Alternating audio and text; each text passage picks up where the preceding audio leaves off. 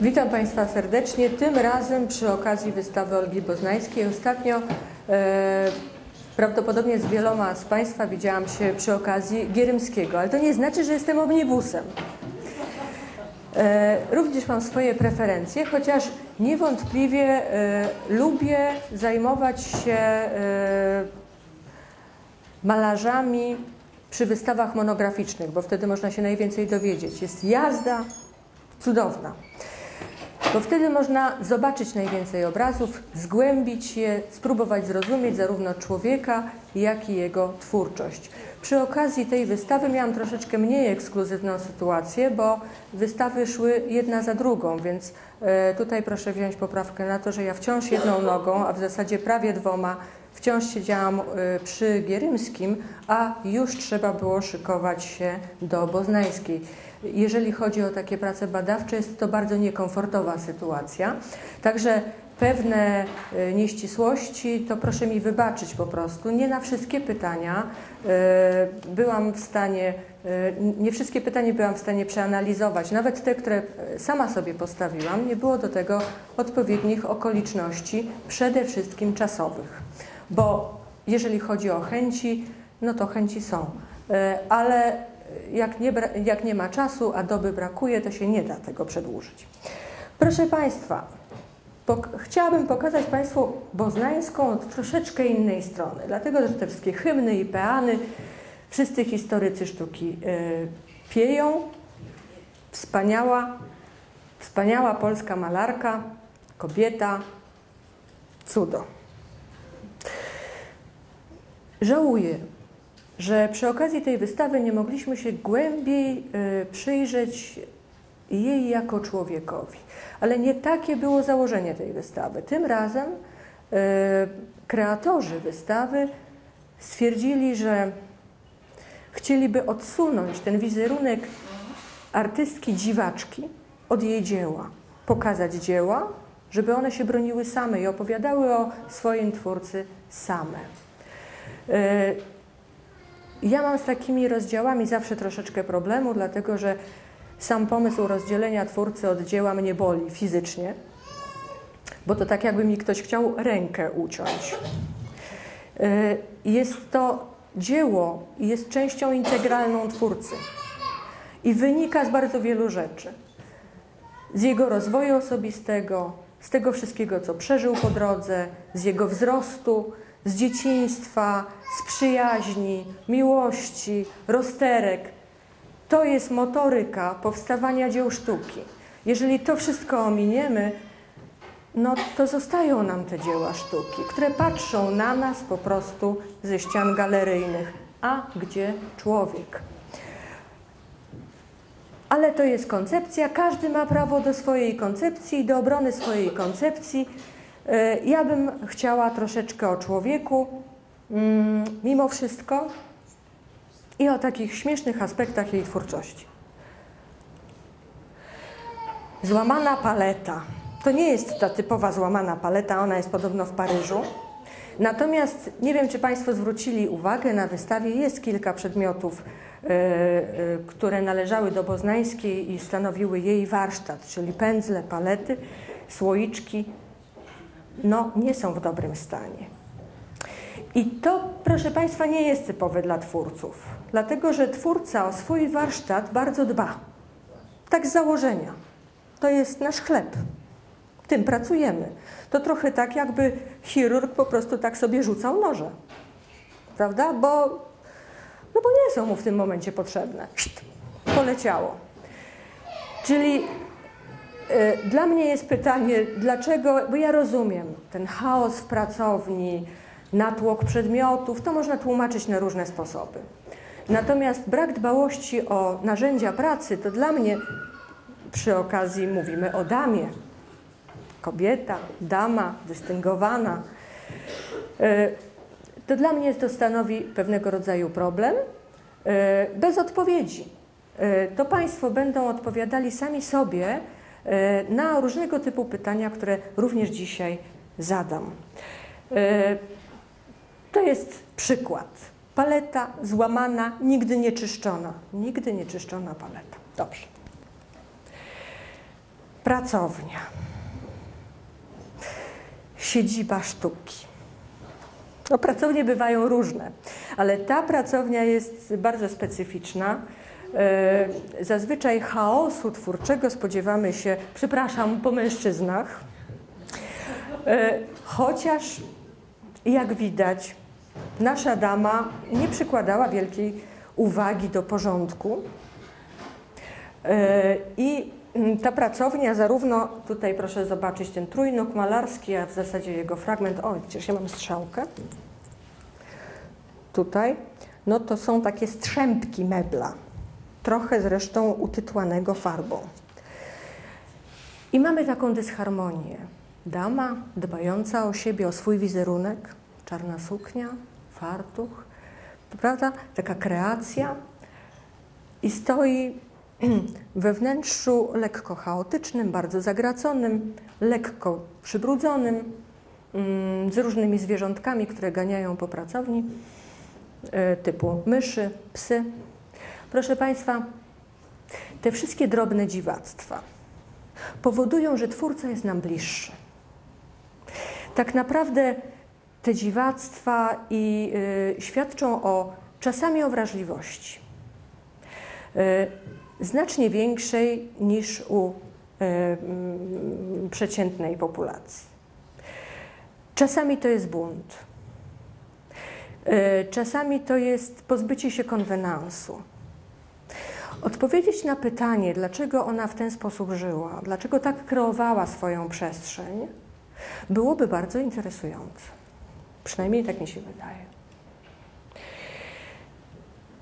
Oglądając e, fotografię znajdujące się w zbiorze krakowskim, trafiłam na taką. I proszę zobaczyć na ten przedmiot. Nie miałabym zielonego pojęcia, co to jest, gdyby nie e, kilka miesięcy wcześniej wizyta moja w Amsterdamie e, w Muzeum Van Gogha. Tam zobaczyłam pierwszy raz w życiu, bo na uczelni nas tego nie uczono, że jest coś takiego jak rama perspektywiczna. Jak się ogląda tak fotografię za fotografią, to można różnych rzeczy nie zauważyć, ale tutaj proszę, mamy mebel, który już w tej chwili nie funkcjonuje. To jest trójnóg malarski, on ma tutaj blat. I wygląda na to, że na stałe było przyczepione coś, co moglibyśmy zinterpretować jako blade ram. No bo to tak wygląda. Nawet nie rama, tylko blade ram. Ale to nie jest blade ram, a nie jest, dlatego że ma tutaj przeciągnięte sznurki. I to te sznurki naprowadziły mnie na pomysł, że to jest rama perspektywiczna. Proszę Państwa, artyści, malarze, twórcy generalnie od zawsze starają się stanąć wobec problemu zwanego perspektywą. To nigdy nie było proste i od zawsze człowiek próbował dojść do przekazania na płaskiej płaszczyźnie płótna, papieru, przestrzeń. I chciał to zrobić prawidłowo.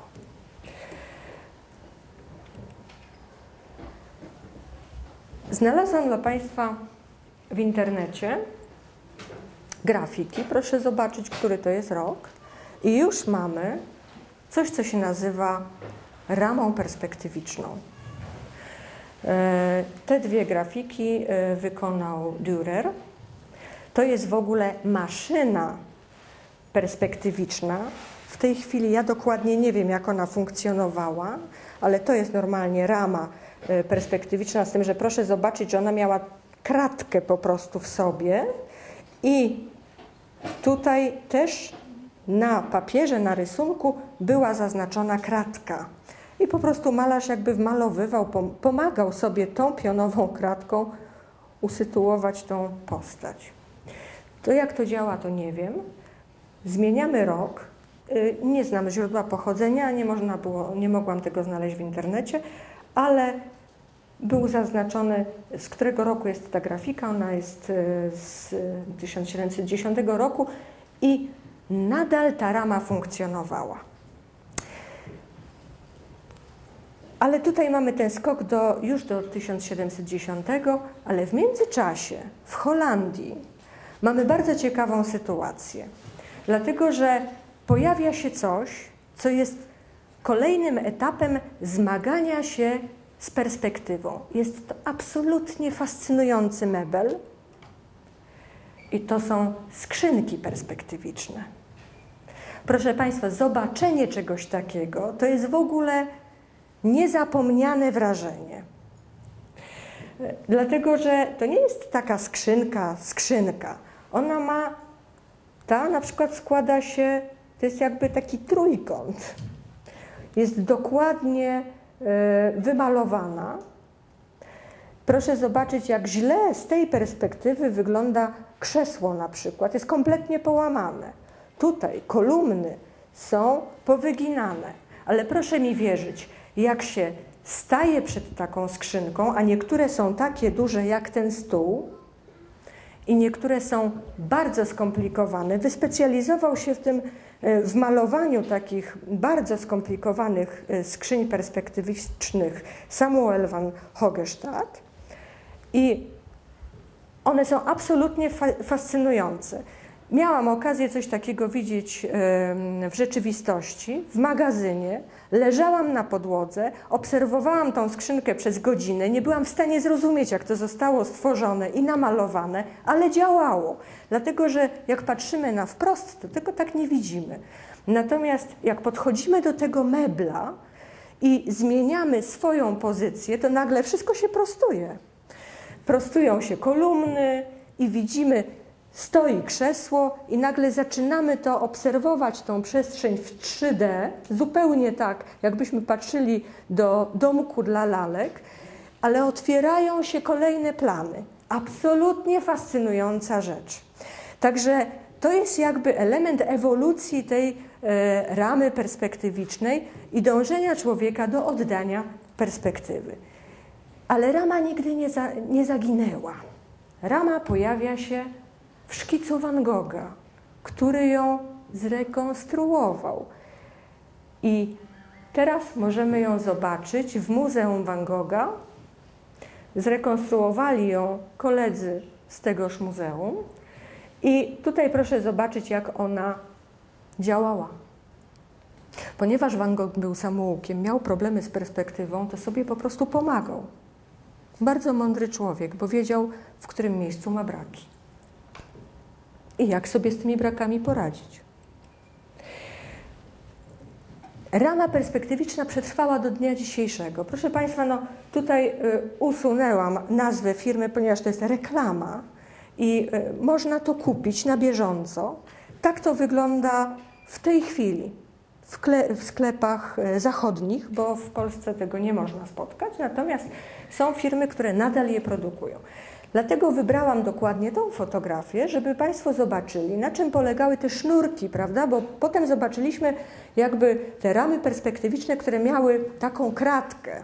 Natomiast tutaj jest wejście jakby bardzo podobne do tych sznurków, które były na ramie perspektywicznej na trójnogu malarskim u Boznańskiej. I proszę zobaczyć, jak ta gruszka została po prostu wpisana poprzez zaznaczenie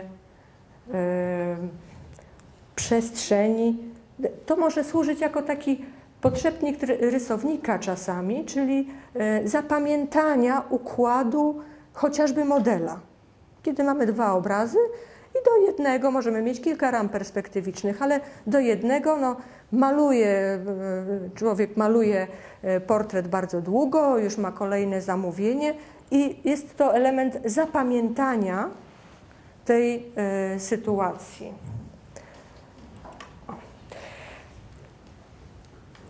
Proszę Państwa, pokazuję, znalazłam taką, e, taką, taką reprodukcję dla Państwa również w internecie, co byśmy zrobili bez internetu, e, nie bez przyczyny. Ulubionym podłożem malarskim Boznańskiej była tektura. Już za jej życia padały pytania, dlaczego wybrała tak słaby materiał. Proszę Państwa, tektura nie jest aż taka bardzo słaba, dlatego że dotrwała do naszych czasów, ma się świetnie i prawdopodobnie jeszcze przetrwa nasze czasy jeszcze trochę.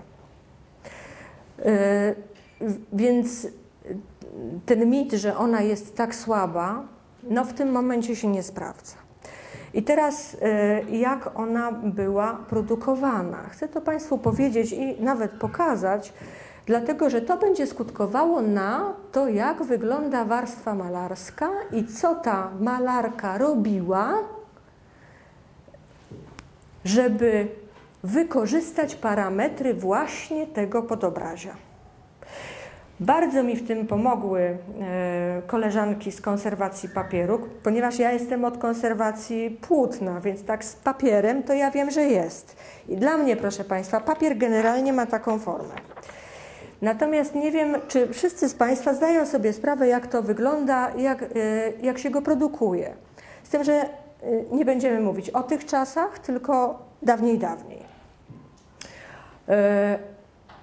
E, bo tu w zasadzie możemy znaleźć wszystkie etapy produkcji tektury. Najpierw trzeba było ugotować trochę różnego typu szmat, rozdrobnić je i ugotować w ługu sudowym, żeby uzyskać taką pulpę, zupę, doprowadzić do rozwłóknienia tej tkaniny. I to się odbywało w takich wannach. I w tych wannach również, jakby proszę zobaczyć tutaj na sitach, wyczerpywano, czyli pobierano tą masę. E, jeżeli chodzi o, e, o tektury, to już do tej masy był dodawany klej, to była żelatyna. I teraz tak, wyciągano na sicie taką y, wylewkę, to Państwo zobaczą jeszcze potem na przykładach. Sito miało dekiel, żeby można to było odwrócić. Przekładano takie arkusze na takie przekładki kocowe i układano taki stos że jest kocyk, warstwa takiej tektury, bo tektury są warstwowe i zaraz to Państwo zobaczą. I kolejny kocyk, i kolejna taka warstwa, i kolejna. I przy pomocy prasy wyciskano z tego nadmiar wody. Po y, takim wstępnym osuszeniu i pozbyciu się nadmiaru wody, prasa była otwierana i składano tektury z tych poszczególnych blatów. I znowu je wkładano do prasy, już tym razem bez kocyków. Odpowiednią ilość tych e, warstw e, papieru. Ta pulpa papierowa wygląda mniej więcej tak, z tym, że ona jest taka biała, bo to jest bardzo nowy materiał i ona jest po prostu z, z, ze świeżej celulozy. To, to, to, nie jest, to nie są szmaty. E, I jak Państwo widzą, wyciągamy, wyciągamy taką, mm, e, taką masę i wytrzepujemy pierwszą, z pierwszej partii jakby nadmiar wody. To jest przykład y, y, sita do wylewania masy papierowej, z tym, że brakuje nam tego dekla, żeby można było potem przełożyć tą masę, bo ona mimo wszystko może pęknąć, jeżeli, bo to jest małe sito, no to nie pęknie, ale jak mówimy o większych, no to już może pęknąć, więc potrzebujemy się jakby jak naleśnik, nie? Potrzebujemy to przekręcić. Ja dla Państwa zrobiłam taki przykład, bo sama też chciałam różne rzeczy zrozumieć. Koleżanki udostępniły mi e, kawałki już gotowej tektury, a więc był tam w środku klej. E, nie pokazuję tych kawałków tektury. No, ona miała tak z pół milimetra, takie paseczki mi dały. I e, ja je rozdrobniłam, bo mi też powiedziały, jak to mam zrobić. Ja je rozdrobniłam na tak jak najdrobniej. Proszę Państwa, papier zwilżyć jest bardzo trudno. Wydaje się nam, że namoczenie kartki papieru to jest uu, co tam. No więc te moje drobiny moczyły się przez trzy dni. Ale jeżeli się Państwu wydaje, że zrobiło się z nich takie coś, to się mylicie. Potem je ugotowałam, trochę się pogotowały, a potem je zmiksowałam. Na koniec Na koniec uzyskałam taką masę papierową, którą wylałam na sito, no do mąki, bo ja akurat nie miałam innego sita. I nie miałam również dekla, więc ścisnęłam to rękami, żeby pozbyć się nadmiaru wody. No i y, na koniec wysuszyłam swoją masę w postaci takiej kulki i takich kawałków, które będą sobie Państwo mogli y, pomacać, że, że ten papier jest troszeczkę inny i że właśnie możemy zobaczyć włóknistość tej struktury i jakby samą, samą konsystencję, jak to, jak to wygląda. Z tym, że ona jest oczywiście jednowarstwowa, już niczego nie, nie, nie utrudniałam sobie życia aż tak bardzo, żeby kleić jeszcze wielowarstwowo. I zrobiłam dla Państwa taką kulkę, żeby pokazać, że tak naprawdę jest to masa plastyczna i można przeróżne rzeczy robić. Zresztą my w tej chwili mamy nawet w handlu dla dzieci takie masy papierowe, ale one wyglądają tak, jakby tam w ogóle papieru nie było, ale to jest moim zdaniem. Proszę sobie to oglądać.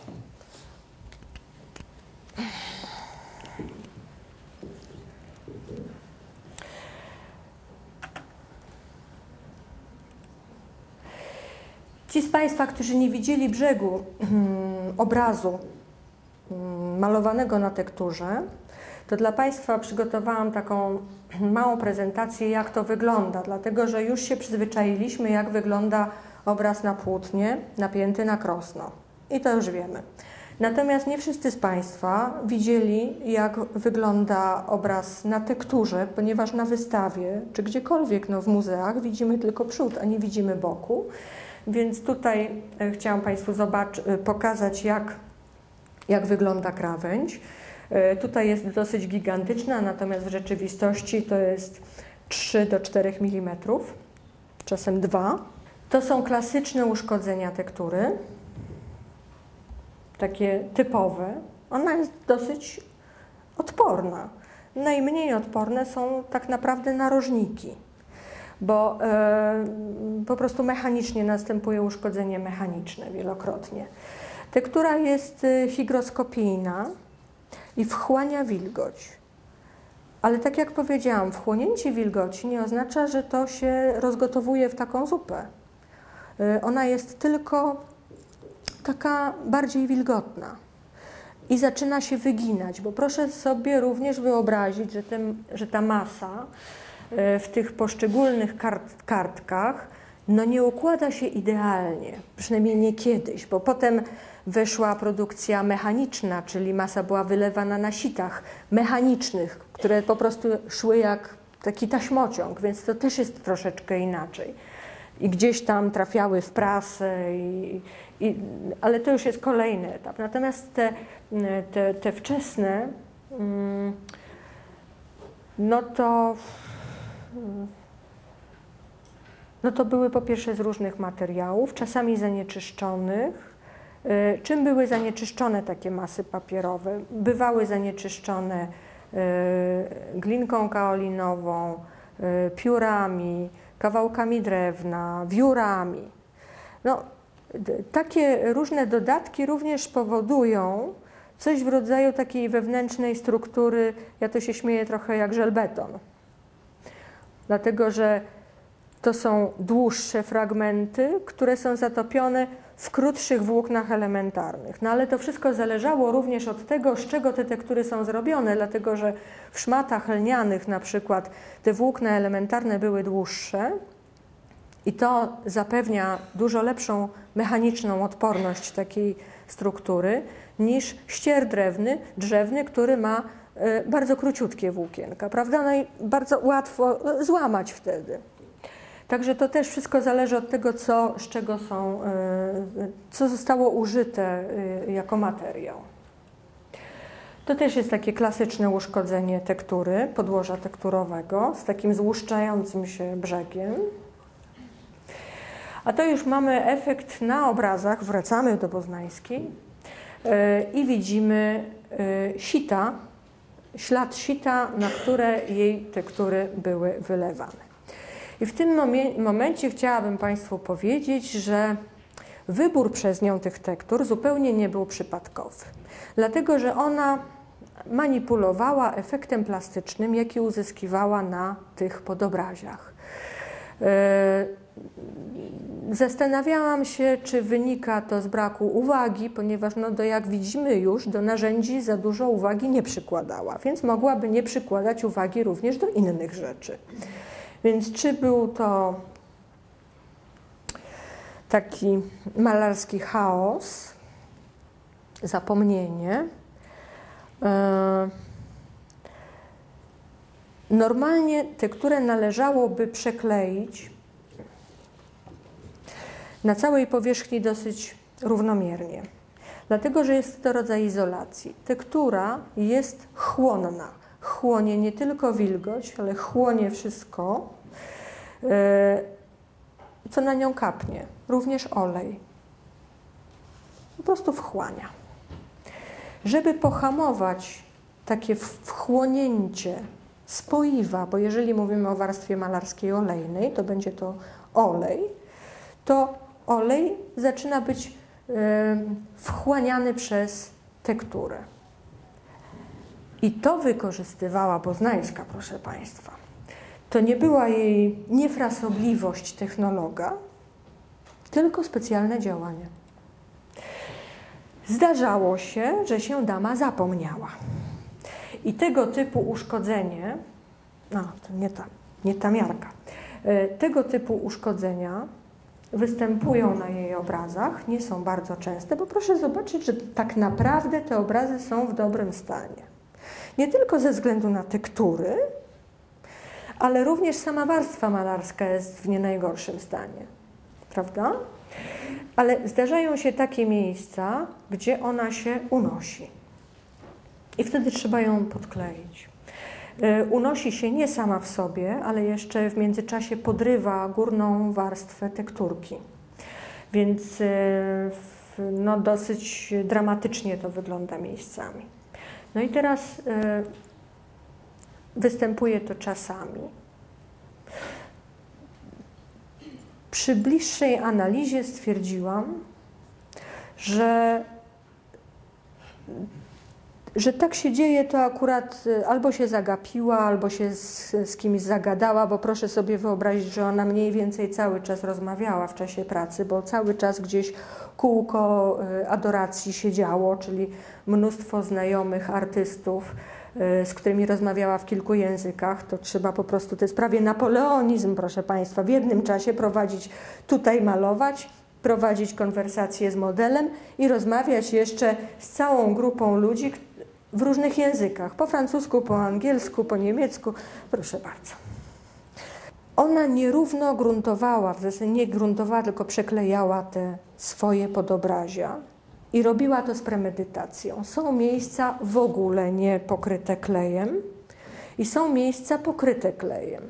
Ten przykład ze spękaniem to był po prostu błąd technologiczny, kiedy klej był o zbyt dużym stężeniu w tym miejscu. Natomiast jeżeli błędu nie było, to proszę zobaczyć, jaki to daje efekt.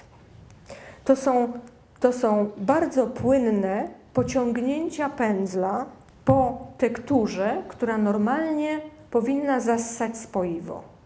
A tutaj z powodu tej izolacji pędzel płynnie się przemieszczał, prawda? To są zupełnie płynne, zupełnie tak jak na, na obrazie na płótnie. Wielokrotnie przeciwstawione w na obrazach, czy przeciwstawione, czy wykorzystane, jako takie powierzchnie uzupełniające się. Jedna była pokryta klejem i ten pędzel był bardzo tak płyn, płyn, płynna praca tego pędzla była widoczna i, i widać, że ona z tego korzystała, a w innym miejscu korzystała właśnie z tego, że tektura nie jest przeklejona i że ciągnie olej z pędzla. Przez co to jest tak, że nie da się przeciągnąć długiego pociągnięcia. To jest tylko takie i, i już stoi pędzel. Dlatego, że nie ślizga się. Farba zostaje w miejscu. I wtedy ona ma zupełnie inny wyraz plastyczny. Ona się robi matowa, ona się robi taka bardziej sucha, bardziej kryjąca. I to ona od tej pory będzie pewnego rodzaju izolacją dla tej tektury. I w tym również możemy upatrywać tego, że te tektury się wyginają. To jest coś, co ona sama wkodowała w nie. Po pierwsze, tektury reagują różnie ze względu na wilgotność i na różne rozmieszczenie kleju tego wewnątrz struktury masy papierowej. I jeszcze na koniec sam autor wykorzystujący to podobrazie, nierówno pokrywając klejem lico, powoduje, że ono będzie różnie reagowało. A proszę zobaczyć, że na jej obrazach wielokrotnie widzimy yy, podobrazie. Mamy ten kolor podobrazia. A co do koloru podobrazia, to właśnie jesteśmy w tym miejscu. Ta fotografia oczywiście jest troszeczkę, ma za duży kontrast, ale zawsze jest tak, że jak się fotografuje jedną ciemną, drugą jasną rzecz, to jest e, zwiększony kontrast. Chciałam tym samym Państwu powiedzieć, że celuloza e, w czasie się zmienia, bo ona reaguje na ultrafiolet, na kwasowość kleju, który jest e, zawarty w samej strukturze i również w tym kleju, którym ona przeklejała sobie powierzchnię takiej tektury, jak zarówno i w oleju przecież, prawda? Bo on ma, on jest kwas, kwasowy.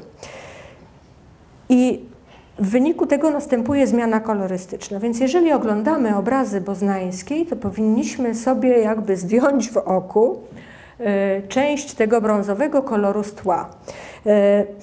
Chciałam Państwu też pokazać, to jest stara tektura, to jest właśnie ta po lewej, ona jednak ma trochę inny kolor, troszeczkę jest ciemniejsza, znaczy po prawej. Zestawiłam ją z obrazem, e, który nie jest eksponowany. E, natomiast chodziło mi o dużą powierzchnię wolnej tektury, jakby, tak żeby można było zobaczyć e, swobodnie jej kolor, żeby nie rozpraszało wzroku farba. I teraz proszę sobie to wyobrazić przynajmniej o kilka tonów jaśniejsze. I tak w zasadzie jest przy każdym obrazie, że tam, gdzie widać to podobrazie, ono było jaśniejsze. E, ja na starej, ze starej tektury zdjęłam warstwę licującą. I proszę zobaczyć, jaka jest różnica. To będzie kolejne do oglądania. I proszę pomacać, że to jest właśnie takie chropowate i bardzo chłonne jako materiał, bardzo przyjemne zresztą. To będzie taki przykład, to będzie taki przykład śmiesznej ingerencji w obrazy, w obraz e, boznańskiej. E, no, ten przykład był znany, ale ja go pierwszy raz zobaczyłam, że tak powiem, naocznie, kiedy fotografowałam ten obraz. No to śmieszna historia jest, bo, bo jak Państwo zauważyli, nie wszystkie portrety są piękne. I czasami można się zastanowić, a dlaczego ta dama taka jest brzydka. E, I to nie jest reakcja z naszej strony nienormalna, dlatego że już e, ci, którzy zamawiali te portrety, różnie reagowali na ich w momencie ich odbioru. Niektórzy nie chcieli za nie płacić, a niektórzy płacili, odbierali i wsadzali za szafę. Więc było to bardzo różnie, prawda? No, no czasami się udaje, a czasami nie. Mm, tutaj mamy taką mm, fajną sytuację, natomiast y, nie miałam takiego zdjęcia sprzed przemalowania, żeby to Państwu y, pokazać, ale spróbuję to opisać. Tutaj będzie troszeczkę widać. Te panienki, siostry Chmielarczykówny, miały sukieneczkę dotąd. a tutaj wystawały takie gołe, chude nóżki. E, no, tak jak to się panienki nosiły. Tylko, że jedna z nich, ta, Władysława, miała to szczęście, że wiele lat później, jak już trochę wyrosła, to wyszła za mąż za malarza. Niezły był. jak on się nazywał? Karpiński, wyszła za Alfonsa Karpińskiego i obie siostry poprosiły, żeby on to zamalował. No więc e, Karpiński zamalował, ale się okazuje, że nawet trochę więcej niż nóżki. Proszę zobaczyć. ta żółcień cynkowa, ona tak bardzo specyficznie świeci, to y, Boznańska jej akurat nie używała. Także tutaj mamy zupełnie jasną sytuację. Natomiast tutaj użył faktycznie bieli ołowiowej i to nam się tak y, nie uczytelnia bardzo ładnie. Y, natomiast w, w, w, fotografii w podczerwieni, no, te nóżki tutaj nam trochę, trochę widać. No, żałuję, że nie mamy takiej fotografii sprzed przemalowania. No ale również widać, że on sobie pozwolił na troszkę więcej, bo tak żonie chciał widocznie jeszcze pomóc że co prawda do tyłu, ale będzie lepiej. E, no więc e, troszkę ją tam poprawiał. Także mamy taki obraz, który no, został oczywiście przyjęty, może nawet z aplauzem, ale z czasem się okazało, że same zainteresowane chciałyby, żeby troszeczkę inaczej wyglądał. A to jest właśnie przykład do tego, co powiedziałam. Proszę Państwa, ten wpływ na warstwę malarską był od strony tektury, czyli od strony tego przeklejenia, tak jak żeśmy ustalili, ale i od samej warstwy malarskiej. I na to wpadło niestety bardzo wielu konserwatorów. To więc konserwatorzy uczą się na błędach, proszę Państwa, jak w każdym zawodzie. I wtedy się uczymy najwięcej. Nie wtedy, kiedy idzie nam świetnie, tylko wtedy, kiedy e, idzie po grudzie. No tutaj e, e, nie szło po grudzie, bo każdy z konserwatorów chciałby obraz zabezpieczyć, a jak wiemy, werniks jest warstwą zabezpieczającą powierzchnię warstwy malarskiej. No i chcemy dogodzić artystom. Tylko, że jeżeli chodzi o Boznańską, mamy drobny problem. E, Marcin Samlicki kiedyś użył takiego sformułowania, to jest jedno krótkie zdanie, że jego znajomy zawerniksował obraz boznański i cały efekt diabli wzięli. A dlaczego? To nie znaczy, że Boznańska kiedykolwiek napisała proszę nie werniksować moich obrazów. Nie, tego nie. Ale to, co on powiedział, faktycznie daje do myślenia. Z tym, że my mamy już obrazy, które przeszły wielokrotnie prace konserwatorskie, przez co niezwykle rzadko się zdarza, że obraz wciąż nie jest zabezpieczony warstwą werniksu. No bo Państwo już wiedzą, że warstwa werniksu zabezpiecza przed ultrafioletem, że zabezpiecza przed wszystkimi brudami, że to ona się zmienia i y, y, jakby bierze na siebie te zmiany optyczne i chroni w ten sposób warstwę malarską. No więc się staramy chronić warstwę malarską, ale ten obraz jest na ekspozycji, mogą go Państwo zobaczyć na wystawie i on jest cały pokryty werniksem. Czyli cały się świeci, to może dużo powiedziane, ale ma taki błysk na sobie. Prawda? Warstwa malarska jest taka śliska. Ponieważ my nie, e, nie werniksujemy i w zasadzie nie spotkałam się, nie, no spotkałam się, sorry, e, z obrazem boznańskiej, który byłby zawerniksowany tak na jajko, czyli tak po prostu, że się błyszczy jak lustro. To, to naprawdę bardzo rzadko się zdarza. Natomiast generalnie no, staramy się utrzymać taką no, matową, półmatową powierzchnię, taką aksamitną, my to nazywamy aksamitną powierzchnią. Ale weszliśmy na teren boznański. Tak sobie, cichaczem i drugimi drzwiami. A dlaczego? Proszę zwrócić uwagę na to. Ona manipulowała nie tylko przeklejeniem tektury, a więc tym samym płynnością pędzla i jego pracy, a co za tym idzie, głębią koloru, ale z drugiej strony pracowała na takiej zasadzie mat, błysk. Co nie jest tylko matem i błyskiem, tylko to się właśnie przekłada na głębię kolorystyczną. I ten obraz powinien być cały matowy, bardziej matowy, a tylko to miejsce, czyli tylko twarz, powinna być bardziej błyszcząca, dlatego że ona już na samym końcu malowania obrazu zwiększyła ilość spoiwa, a w zasadzie prawdopodobnie wzięła spoiwo, czyste spoiwo malarskie i przeciągnęła po już namalowanej twarzy. Dlatego, że z tego, co sama mówiła, to y, nigdy nie malowała mokre w mokre, jak my to mówimy. Zawsze czekała, aż warstwa malarska przeschnie. Potem ją trochę zeszlifowywała i wchodziła kolejną warstwą i znowu czekała, aż ta warstwa przeschnie, przez co nie mamy tego efektu mieszania między warstwami, kiedy malarz pracuje dynamicznie i nakłada jedną warstwę na drugą, na takie półprzeschnięte warstwy. Ona tego pilnowała, taką miała metodę i pracowała suche, mokre w suche i znowu suche, jak wyschło. Czyli to spoiwo, które dodała, nie połączyło się z warstwą malarską, tylko położyło się na wierzchu. Mogło być zupełnie czyste, takie, które się dodaje do farb w czasie malowania. I stąd takie wyświecenie, które powinno być widoczne. Czyli jak podchodzimy do obrazu, to powinniśmy widzieć tą różnicę. To jest element gry plastycznej zaplanowanej przez malarza. Jak to jest ważne, jak to widać? Proszę Państwa, no ten obraz absolutnie przepiękny. Mogą Państwo zobaczyć na galerii, nie ma go na, na wystawie.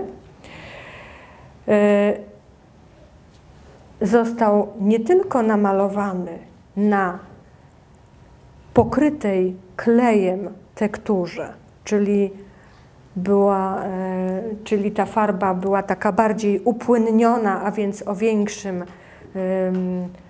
o głębszym tonie, to jeszcze na końcu Boznańska wykończyła jakby, tak samo jak tamten obraz, przez dodanie spoiwa już na samym wierzchu.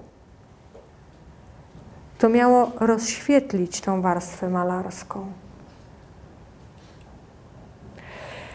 Pokazuję w kontrze ten sam obraz i obraz niczym nie pokryty jest absolutnie sote, tak jak go namalowała Boznańska, bez żadnej ingerencji, żadnego werniksu.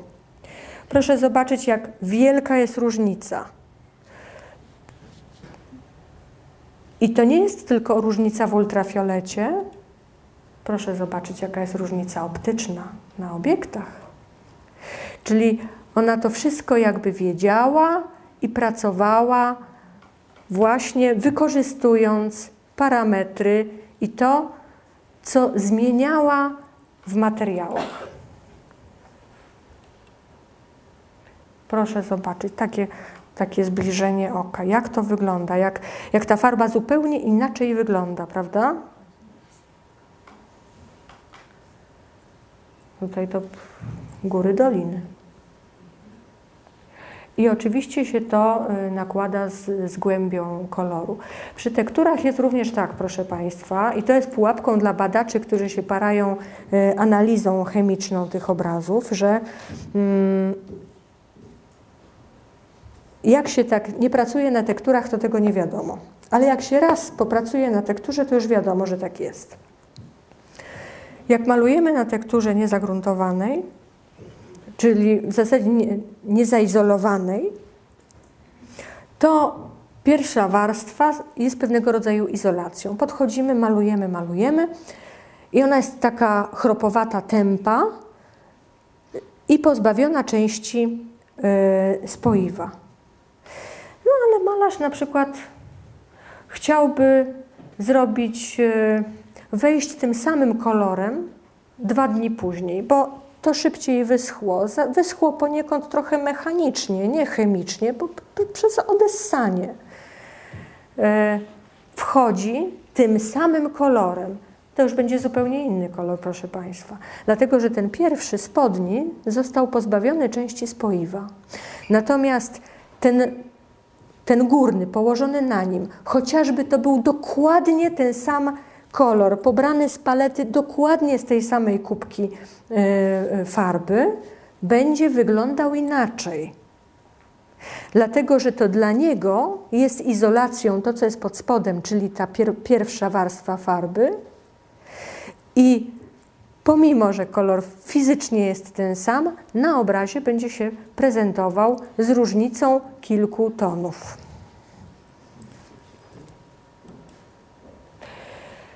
Chciałam jeszcze Państwa e, uwagę zwrócić na moment na ręce, na sposób malowania, e, jak e, Boznańska je opracowuje. Czasem wydają się płaskie, ale jak widzimy w świetle bocznym niezupełnie, a ręce przy portrecie są równie ważne jak twarz, proszę Państwa. One, one mówią nam ogromnie dużo o modelu. To zestawienie zrobiłam z kilku powodów. Dlatego, że oko posiada mniej więcej każdy z nas. Natomiast wyraz twarzy się bardzo zmienia i bardzo trudno w, w, przy portretach porównywać portrety, ponieważ jesteśmy rozproszeni samym faktem, że jest to inny człowiek. Natomiast ja chciałam zobaczyć ewolucję malarz, malarza. Więc wybrałam jeden element z twarzy, bo to stanowi jądro portretu, żeby zobaczyć, jak się zmieniała warstwa malarska i jak się zmieniała buznańska. No i się zmieniała. Ale dlaczego? A to już jest zupełnie inne zagadnienie, do którego zaraz dojdziemy. W zasadzie również bez konkretnej odpowiedzi na pytanie, to będą znowu kolejne otwarte drzwi. Może tak, a może nie. Proszę zobaczyć od tych jednej z, z, z wcześniejszych obrazów, aż po taki portret, którego Państwo nie mogą zobaczyć na ekspozycji, ale jest w naszych zbiorach. No jest to dosyć wstrząsające. E, pozwoliłam sobie zestawić to w parach, dlatego że gdybym miała taki długi ekran, to najchętniej bym pokazała jeden za drugim. Natomiast tego długiego ekranu nie ma, więc e, e, chcę to Państwu pokazać jakby w tych najbliższych parach. I to jest już w świetle bocznym, tak żeby były e, widoczne faktury również. Dlatego, że jak robimy w świetle rozproszonym, to widzimy tylko kształt i kolor. O. I ta ewolucja jest dosyć wstrząsająca. I jak się przechodzi E, znaczy tutaj nie ma układu chronologicznego, co dodatkowo jest utrudnieniem. Natomiast gdybyśmy ustawili obrazy jeden za drugim, e, to wciąż nie byłoby łatwo, właśnie dlatego, że każda z twarzy jest inna, ma inną ekspresję, inny, inny ładunek emocjonalny ze sobą niesie.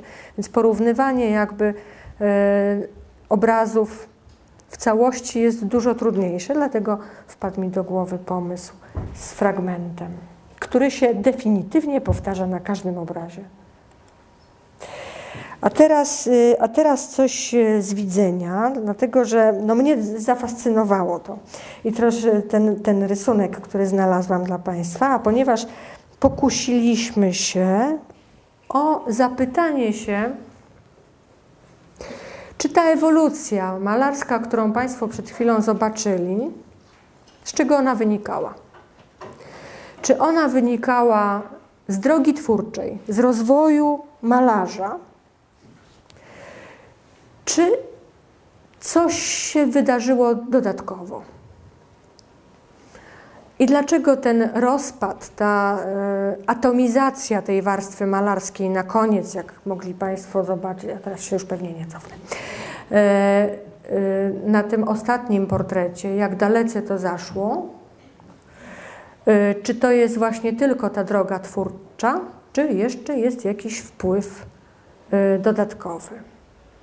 Jak mnie uczono, to mnie uczono, że się tak, że lewe oko transportuje wiadomości do do prawej półkuli, a prawe oko do lewej półkuli. No więc bardzo mnie zachwycił ten rysunek, który y, mnie y, uświadomił, że nie jest tak zupełnie i że to, co wpada do oka na siatkówkę, jest bardzo śmiesznie transportowane, dlatego że w obu gałkach ocznych lewa część siatkówki transportuje nam widok do lewej półkuli, a prawa część siatkówki w obu oczach transportuje nam widok do prawej półkuli. Tam jest wielki mikser i wielkie oszukanie nas samych.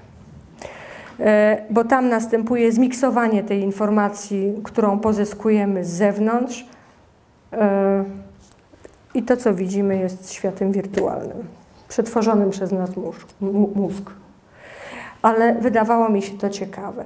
Znalazłam również e, jedną, jedną bardzo fajną, bardzo fajny rysunek, który pokazuje, proszę Państwa, jak my naprawdę obserwujemy nasz świat.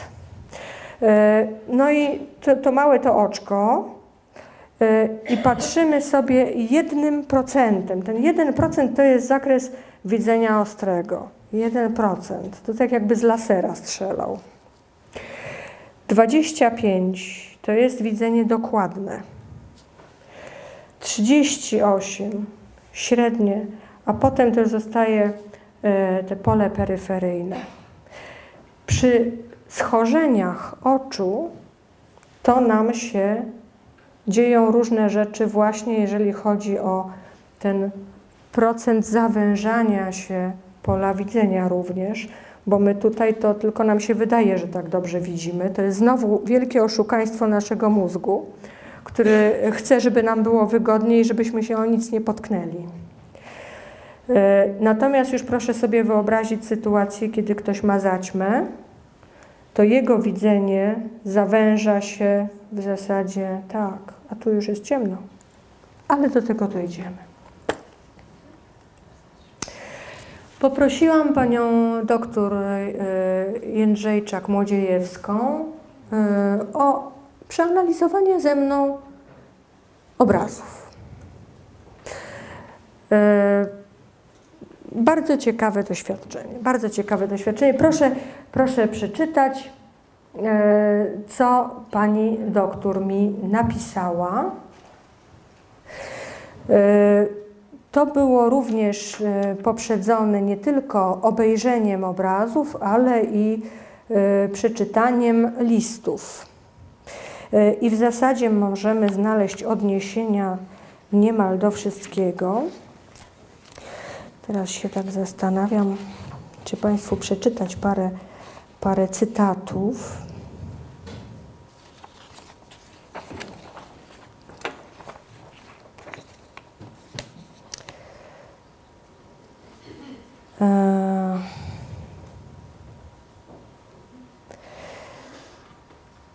Mamy właśnie e, w listach odnajdujemy informacje zarówno o tym artretyzmie, i to się pojawia e, w Krakowie.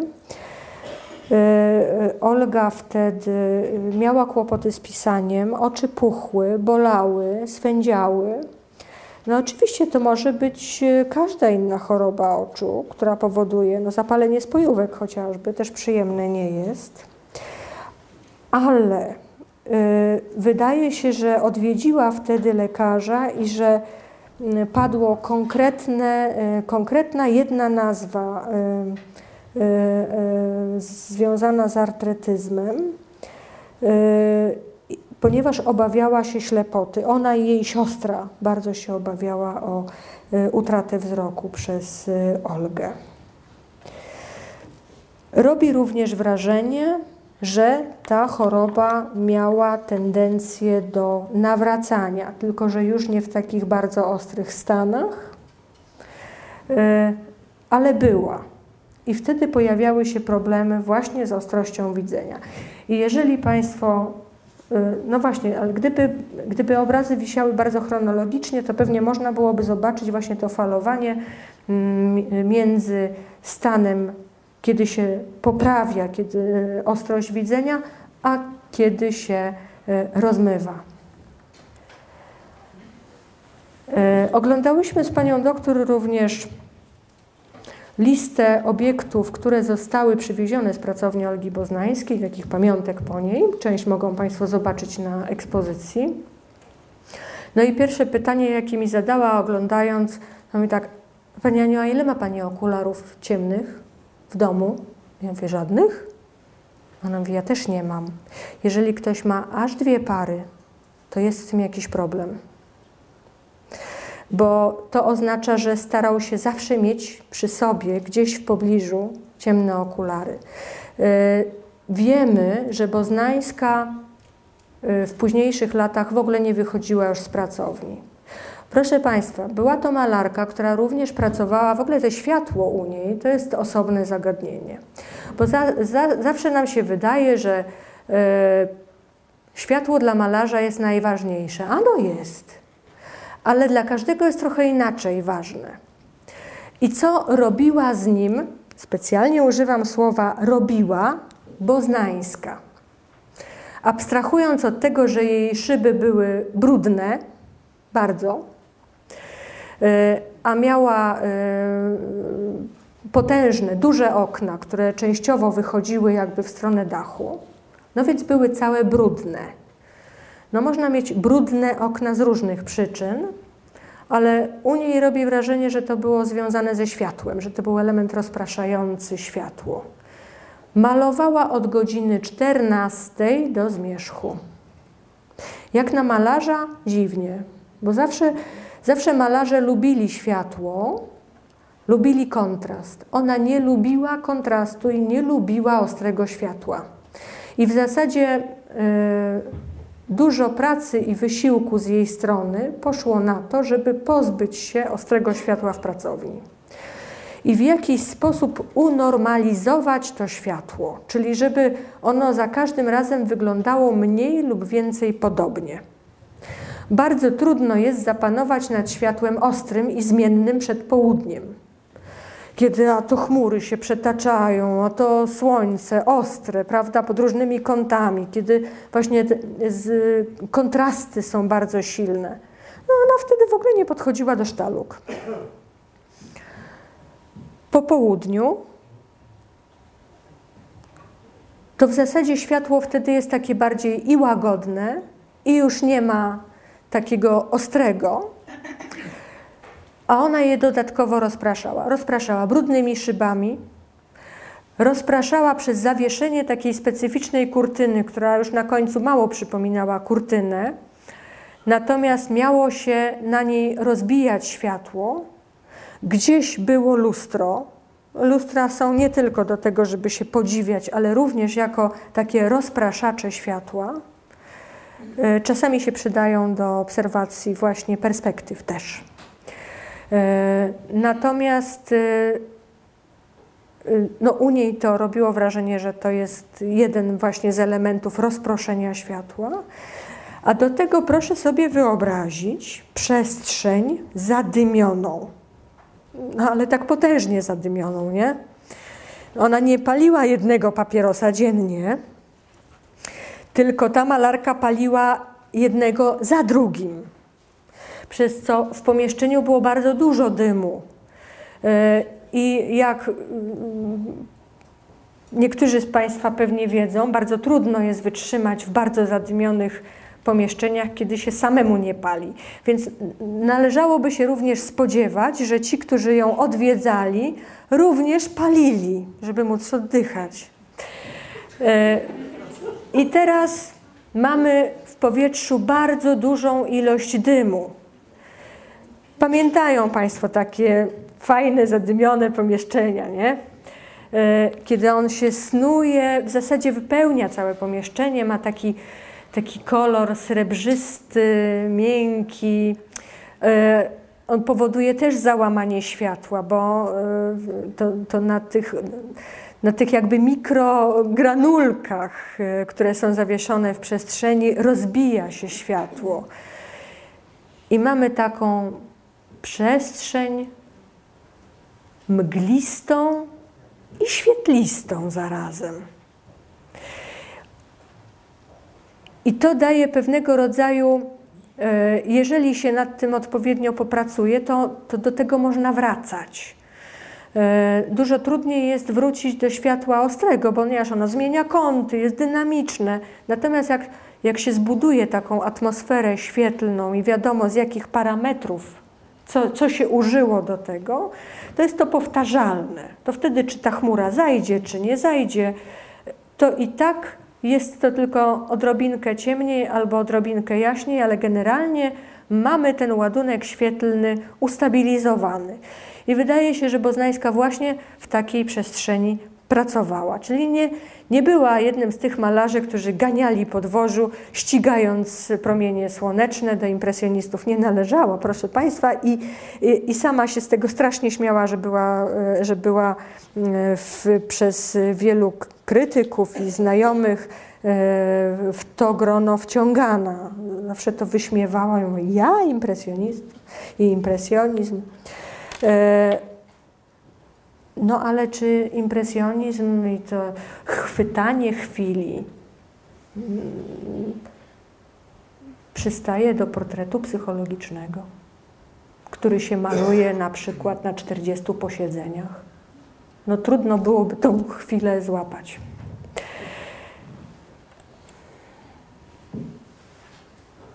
To jest e, dalszy ciąg wypowiedzi pani doktor, która skłania się do tego, że tak jak wielu twórców, nie tylko malarzy, Boznańska y, wciągnęła swój problem z oczami do swoich obrazów w sposób zupełnie nieuświadomiony. Stały się, ta, ta warstwa malarska tak ewoluowała, jak jak i ona, ale i jej możliwości. Natomiast czy tak było? Proszę Państwa, trzeba byłoby ją zapytać. To jest nasza dywagacja i nasza próba odpowiedzi na pytanie, co się działo po drodze i dlaczego te obrazy na koniec wyglądają tak, jak wyglądają, dlaczego mamy w zasadzie do oglądania tylko środek i to właśnie taki o dosyć dziwnej strukturze, i rozpad warstwy malarskiej na zewnętrzu. Jak to pani doktor powiedziała, bardzo łatwo można byłoby powiedzieć, że Boznańska miała zaćmę. No bo przecież 90% populacji zaćmę generalnie ma. Jak się trochę podstarzeje. Ale Boznańska nie miała zaćmy. E, dlatego że ona do końca używała czystych błękitów. A e, e, ludzie, którzy mają zaćmę zaawansowaną, przestają widzieć niebieskie niebo, proszę Państwa, i świat się robi ciepły. Natomiast może to była jaskra jednak. Zrobiliśmy taką, taką symulację jak widzi człowiek, który ma problem z tym właśnie schorzeniem. Widzi, ale proszę zobaczyć, właśnie tutaj jakby w partii portretu, bo za każdym razem mamy ten problem, dlatego że portret żywi się środkiem obrazu, bo tam jest przecież główny nacisk kompozycyjny. I tam wypada właśnie głowa i ręce, nie? Więc to jest zawsze e, do dyskusji. Natomiast należy, należy jednak wziąć to pod uwagę, że może jednak tak. Dziękuję.